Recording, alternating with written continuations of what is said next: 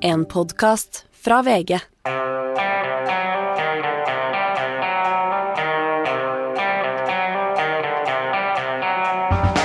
Zelenskyj holdt tale til den amerikanske kongressen direkte fra Kiev. Og det er en ny covid-bølge på gang i Asia. Dette er Gjever og gjengen. Det er onsdag den 16. mars. The President Biden, you are the leader of the nation, of your great nation. I wish you to be the leader of the world. Being the leader of the world means to be the leader of peace. Thank you. Slava Ukraine. Ja, to be the leader of the world means to be the leader of the peace, sa altså president Zelenskyj. Og Per Olav, eh, relativt kort tale, relativt fylt av eh, retorikk av typen amerikanerne er ganske vant til. Her var det Mount Rushmore, og her var det I Have a Dream, og her var det uh, Your Founding Father. Så han appellerte virkelig til sånn kraftpatriotismen i USA, og, og sa at nå vi har den samme patriotismen, den samme drømmen om, om, om fred og, og, retten til å søke lykken. Ja, og han minnet om uh, de gangene hvor USA er blitt angrepet. Uh, Pearl Harbor, uh, som brakte USA inn i andre verdenskrig, og 11.9.2001 med den terroren. Så han Og dette er noe som vi har sett at Zelinskyj gjør. Han har jo talt til nasjonalforsamlinger i flere land. Han eh, påkalte jo Churchill når han snakket til det britiske parlamentet f.eks. Og han hadde også direkte henvendelser når han ganske nylig da, snakket til det canadiske parlamentet. så han men noe noe, noe, av hovedbudskapet hans er jo det samme i alle disse talene. Eh, og det er jo å be om, om enda sterkere støtte fra land i vest.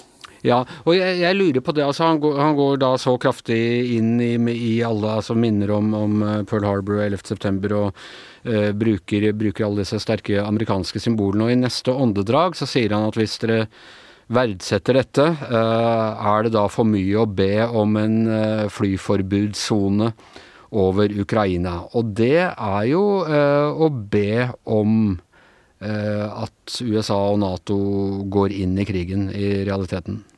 Ja, og det er nettopp det som eh, både Joe Biden og eh, Nato eh, og egentlig alle landene i Nato har vært tydelige på, at de ikke vil gå inn i krigen direkte og ikke bidra til den eskalering som de da mener, hvor da en krig i Ukraina kan bli en, en enda mye større krig. Og at at uh, fra Natos side så har man gjentatte ganger sagt at man, ikke, at man, må passe seg for ikke å bidra til en sånn opptrapping av konflikten, så den går utover Ukrainas grenser. Derfor så tror jeg nok også at Zelinskyj vet at dette med en flyforbudssone det, det, blir ikke innført. Det er veldig mange grunner eh, for at det ikke kommer til å skje. Um, men, Derfor hadde han en ønskeliste B?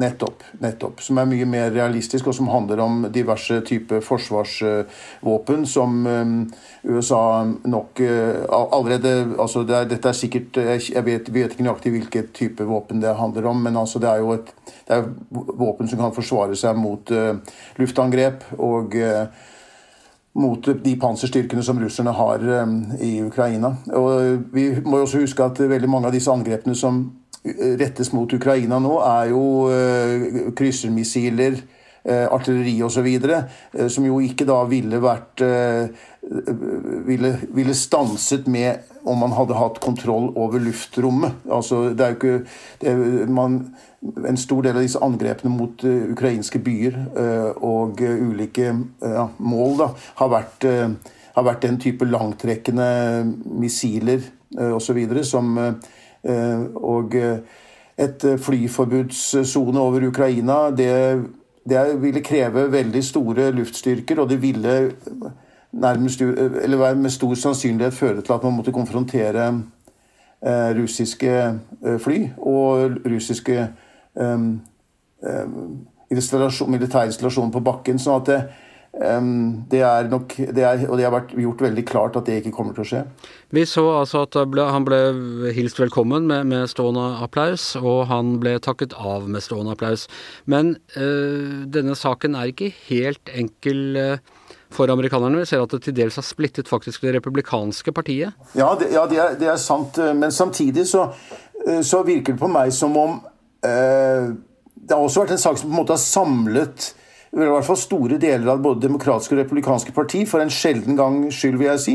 Nesten i enda større grad enn på noe tidspunkt siden 11.9. september i 2001, altså hvor veldig brede deler av det politiske liv, enten de tilhører demokratene eller republikanerne, eh, står sammen i hovedlinjene her. Ehm, eh, og Det betyr at demokratene er blitt mer innstilt på å bruke mer penger på Forsvaret. De trodde kanskje de kunne kutte litt på det nå etter, etter Afghanistan. Det har de gitt seg på. Og veldig store deler av det republikanske parti har forlatt den linjen som var under Trump, med mer isolasjon altså, med større grad av isolasjon, amerikansk uh, alenegang, kritikk mot allierte og uh, osv. Mange av de tingene som kjennetegnet de fire årene under Trump. Og støttet opp under hvor viktig det er å ha internasjonale allianser. Og det er ikke selv om republikanerne er i en sånn situasjon hvor ikke det er de som har Det hvite hus, og de vil hele tiden si at vi bør gjøre mer, og Biden gjør ikke nok osv., så, videre, så er de enige om hovedlinjene her. F.eks. Eh, når det gjelder dette med flyforbudssonen som vi snakket om, så er de, de, de republikanske lederne i Kongressen eh, ønsker heller ikke noen annen linje enn det som har vært Bidens eh, linje i den saken, f.eks. Men, men vi ser også at når det går mot mellomvalg og sånn, og det er en del kandidater som har vært veldig rosende på Putin, og det har jo vært altså det er jo noe Trump åpnet for. Denne her veldige unnfallenheten og nærmest beundringen uh, for Putin, som han også ga uttrykk for den 24. februar, da, da angrepet ble klart. At han mente at Putin at dette var et smart trekk, osv. Og, og det, ser inn i Fox News han Tucker Carlson, som er liksom den fremste herolden for denne fløyen i det republikanske partiet og i det hele tatt, de har gått veldig langt i en sånn øh, putinistisk beundring. Og her er det et skisma innad i, blant republikanerne. Det er det absolutt. Og Trump har jo ikke sagt så veldig mye om denne situasjonen. Han har jo ikke like gode informasjonskanaler som han sin tid hadde. Han har ikke Twitter osv. Men han har jo benyttet anledningen på valgkampmøter og intervjuer til å si en del om Ukraina. Han ville bl.a. at man skulle bombe Russland med å male kinesiske symboler på flyene, sånn at eh, Kina fikk skylden, så at det ble krig mellom eh, Kina, antagelig ment som en morsomhet, men det er rimelig spesiell humor fra en som har, som har vært president og har tenkt å bli det igjen? Ja, Tilhengerne på valgmøtet valgte i hvert fall å le, så de antok vel at det var ment som en spøk.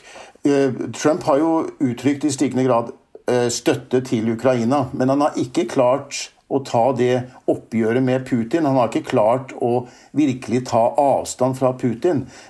Og vi så jo alle disse årene han var president, hvor han jo veldig ofte uttalt seg rosende vendinger om Putin som en veldig sterk leder.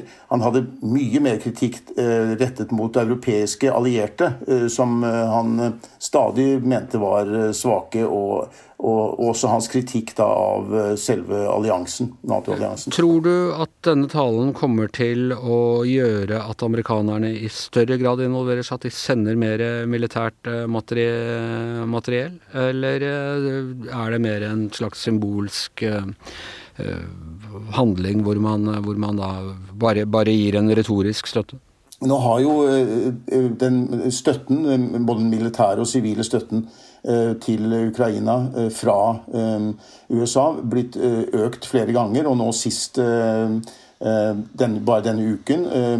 Og jeg tror det er stor vilje til i, i på begge sider i, det, i, Kongressen og sørge for at Ukraina får stor og bred støtte fra USA. Jeg tror den jeg tror, var, eh, jeg tror, han leverte et veldig godt, gode argumenter. Han viste også en video som viste hvordan normalt liv i ukrainske byer er blitt avløst av ja, terror, egentlig. Med forferdelige angrep mot, eh, som rammer sivile. Eh, og jeg tror dette virker inn. Jeg tror, men jeg tror som sagt at det gjør at man i de brede kretsene i begge partier finner sammen om hva som skal være linjen her. At man støtter opp Ukraina, men man ikke går like langt som det Zelenskyj ønsker. Og så tror jeg det er en del republikanere som får det veldig travelt i å finne at det skal være på riktig side av historien her. Da skal vi snakke om noe vi ikke har snakket om på en stund, og som vi må behandle med litt forsiktighet. Men det er ganske dramatiske tall i økt smitte i enkelte land i verden nå når det gjelder covid, Astrid? Ja, det er særlig i Asia, de som lå på toppen, ikke sant. Som var sånn land Hvor det starta? Ja, eh, som vi så opp til. De klarte jo å unngå eh, noe særlig dødsfall. Kina, eh, Hongkong, men nå er altså da særlig Hongkong ramma. De har vært ramma flere uker. De har eh, rett og slett fulle sykehus, det er fulle likhus, og det er kjempestort problem med med coviden der. Det er jo egentlig slik at de har en sånn zero covid-policy, de òg, ikke sant? Skal slå ned all smitte. Så folk har egentlig ikke vaksinert seg i så stor grad som eh, i Europa. Så har de brukt eh, dårligere vaksine, og i Kina, da. Eh, men er det, er det, en ny variant, eller er det omikron? Dette? Nei, Jeg tror det er omikron. Jeg vet ikke hvilken undervariant det er av omikron, men om, om, det er BA2 kanskje. Men de klarer ikke å stoppe den. Også Hongkong er jo det problemet. ikke sant? At De har jo den samme policyen som Kina, men de har ikke like eh, menneskefiendtlige tiltak Mulighet for å ha like strenge tiltak som Kina, ikke sant, som har ja, bolta sånn. Ja, de har jo rett og slett behandla folk som fanger, da. Eh, mens i Hongkong så er de strenge der òg, men de har, de har, rett og slett ikke klart å og stoppa omikron. Så kjempemange gamle som ramma. Det går gjennom eldrehjem, og det er kjempehøye dødstall. Og det er ganske interessant å se hvor um, godt vaksinene virker. For det samme har jo skjedd i New Zealand litt nå. Der har de hatt sånn zero covid policy. Altså skal slå ned all smitte, men det har de gitt opp. Og nå har de begynt å få smitte, dem, men det er nesten ingen som dør. Og grunnen til det er at de har bruka de beste mRNA-vaksinene, og at over 90% er vaksinert. Eh, så der virker det. Men det sier jo litt om at denne omikron er ikke så mild som vi egentlig går rundt og sier. Hvis Nei. du ikke er vaksinert, så er det farlig for Men særlig. virker mildt eh, når man har tre vaksiner? vaksiner ja, ja, ikke sant. Det er derfor eh, vi tåler det i Norge og i Vesten. Vi bruker de beste vaksinene og fått gitt tredje dose til folk og sånn, da. Men er dette, hva slags utfordring er dette for Vesten? Er dette da en, en eh, effekt av at man da ikke har vaksinert så mange og heller satset på, på tiltak, eller er det sånn at vi på noen som helst måte må forberede oss på en ny runde? Det er jo det som er spennende nå, er jo at Kina begynner å få det òg. Der har vi vært vant til at de ikke sant, stengte ned Disneyland for ett smittetilfelle, eh, og låste inn folk eh, med vakthold i husene sine og, og massetesta hele byer sånn bare det var et par smittetilfeller. Så klarte de å få kontroll på det. Men nå eh, så har de flere tusen smittetilfeller, og så er ikke det så kjølig mye i et, et, stort land som Kina, men det er uvant at de ikke har helt kontroll på det. Så det er jeg tror, 27 regioner og sånt, som er som har smitte, og de har innført lockdown i, i flere forskjellige byer. Um, og det går utover produksjon. I Shanghai f.eks., som lager deler til iPhone, så har de stengt noen produksjonslinjer, og det kan eh, gå utover eh, havnene. Eh, for de har jo fortsatt den her kjempestrenge eh, policyen sin da, med tiltak. Um, stenge skoler, stenge kollektivtrafikken uh, og be folk om å være hjemme. Uh, så det kan jo bety at det blir ekstra vanskelig med varer da, framover. Vi har jo allerede et sånn forsyningsproblem, ikke sant? Ja, en forsynings- og prisstignings og, og, i det hele tatt. Men rent medisinsk, da? Er det, er det noen fare på ferde der? De er bedre vaksinert i Kina enn de er i Hongkong. Jeg lurer på om over 90% som har vaksinert seg. Det er jeg ikke helt sikker på, men Problemet med Kina var at de laga sin egen vaksine, og den var ikke like god som den mRNA-vaksinen som vi har hatt i Vesten. Eh, de gir nesten ikke noe beskyttelse mot omikronsmitte, da. Gir beskyttelse mot uh, alvorlig sykdom og død, men det ser ikke ut som de er noe særlig effektivt. sånn det, og, og samme der at det, det, er flere som er vaksinert, men det er òg en god del eldre og folk i risikogrupper som ikke har vaksinert seg. Eh, så det kan jo bli riktig riktig ille. Jeg har lest i Financial Times eh, her om dagen at de har begynt å bygge sånne feltsykehus i forskjellige byer, sånn som de gjorde i begynnelsen. ikke sant? Når det kom til Wuhan, eh, så kom det der kinesiske maskineriet og bare satte opp digre sykehus på rekordtid. Så det er jo noe på gang der nå. Men at omikron da fortsatt holder seg levende, for å si det sånn, og, finner nye steder å øh, nye markeder å, å, smitte på. Betyr det også at viruset vil kunne mutere igjen og komme tilbake til øh, til Europa og, og, USA i en ny variant? Ja, det muterer jo hele tida, da. Um, og det er klart det, når det er mer smitte, så vil det jo være enda flere kropper det kan mutere i. Uh, og vi er jo, tenker jo det at det kommer tilbake for, uh, til høsten i Norge òg, eller kanskje tidligere òg. Uh, og det kan jo være nye varianter, men det kan jo både være varianter som er mildere og varianter som er uh, verre, da. Det er jo ikke noen som vet. Men allerede nå så er det jo flere land i Europa som opplever nye bølger med koronasmitte. Og FHI sier at de følger nøye med på utviklinga, og at de er litt bekymra for det. For det er jo land som Eh, England f.eks., som har hatt utrolig mye smitte, og så begynner det å blomstre opp eh, igjen. Um, det er jo litt vanskelig å si, da, men hører jo hele tida anekdoter om at folk blir smitta på nytt, selv om de har hatt eh, omikron. da. Helt til slutt, altså er det noe positivt vi kan si om situasjonen, så vi ikke gjør altfor svart her? Ja, det er jo det at vaksine virka. Det jo to streker under det svaret når du ser på Hongkong og New Zealand sammenligna. Så hvis eh, folk går og vaksinerer seg og får et tredje dose, det gjelder jo både i ja. Hongkong og i Kina og overalt ellers, så vil det hjelpe. Ja, for hvis man har tre, vaksiner, uh, har tre vaksiner og har vært syk en gang, jeg spør for en venn, da er man, da er man noenlunde home free. Jeg har hørt om flere som har hatt det to ganger, som har sagt at uh, andre gangen var nesten ikke uh, noe å registrere engang. Ja. Men ja, det er omvendt òg. Ja. Ok, vi satser på det. og med det så er Giæver og gjengen over for i dag. Takk til Per Olav Ødegaard. Takk til Astrid Mæland. Jeg heter Anders Giæver, og mannen som faktisk fortsatt ikke har hatt covid-19, er vår produsent Magne Antonsen. Du har hørt en podkast fra VG. Ansvarlig redaktør, Gard Steiro.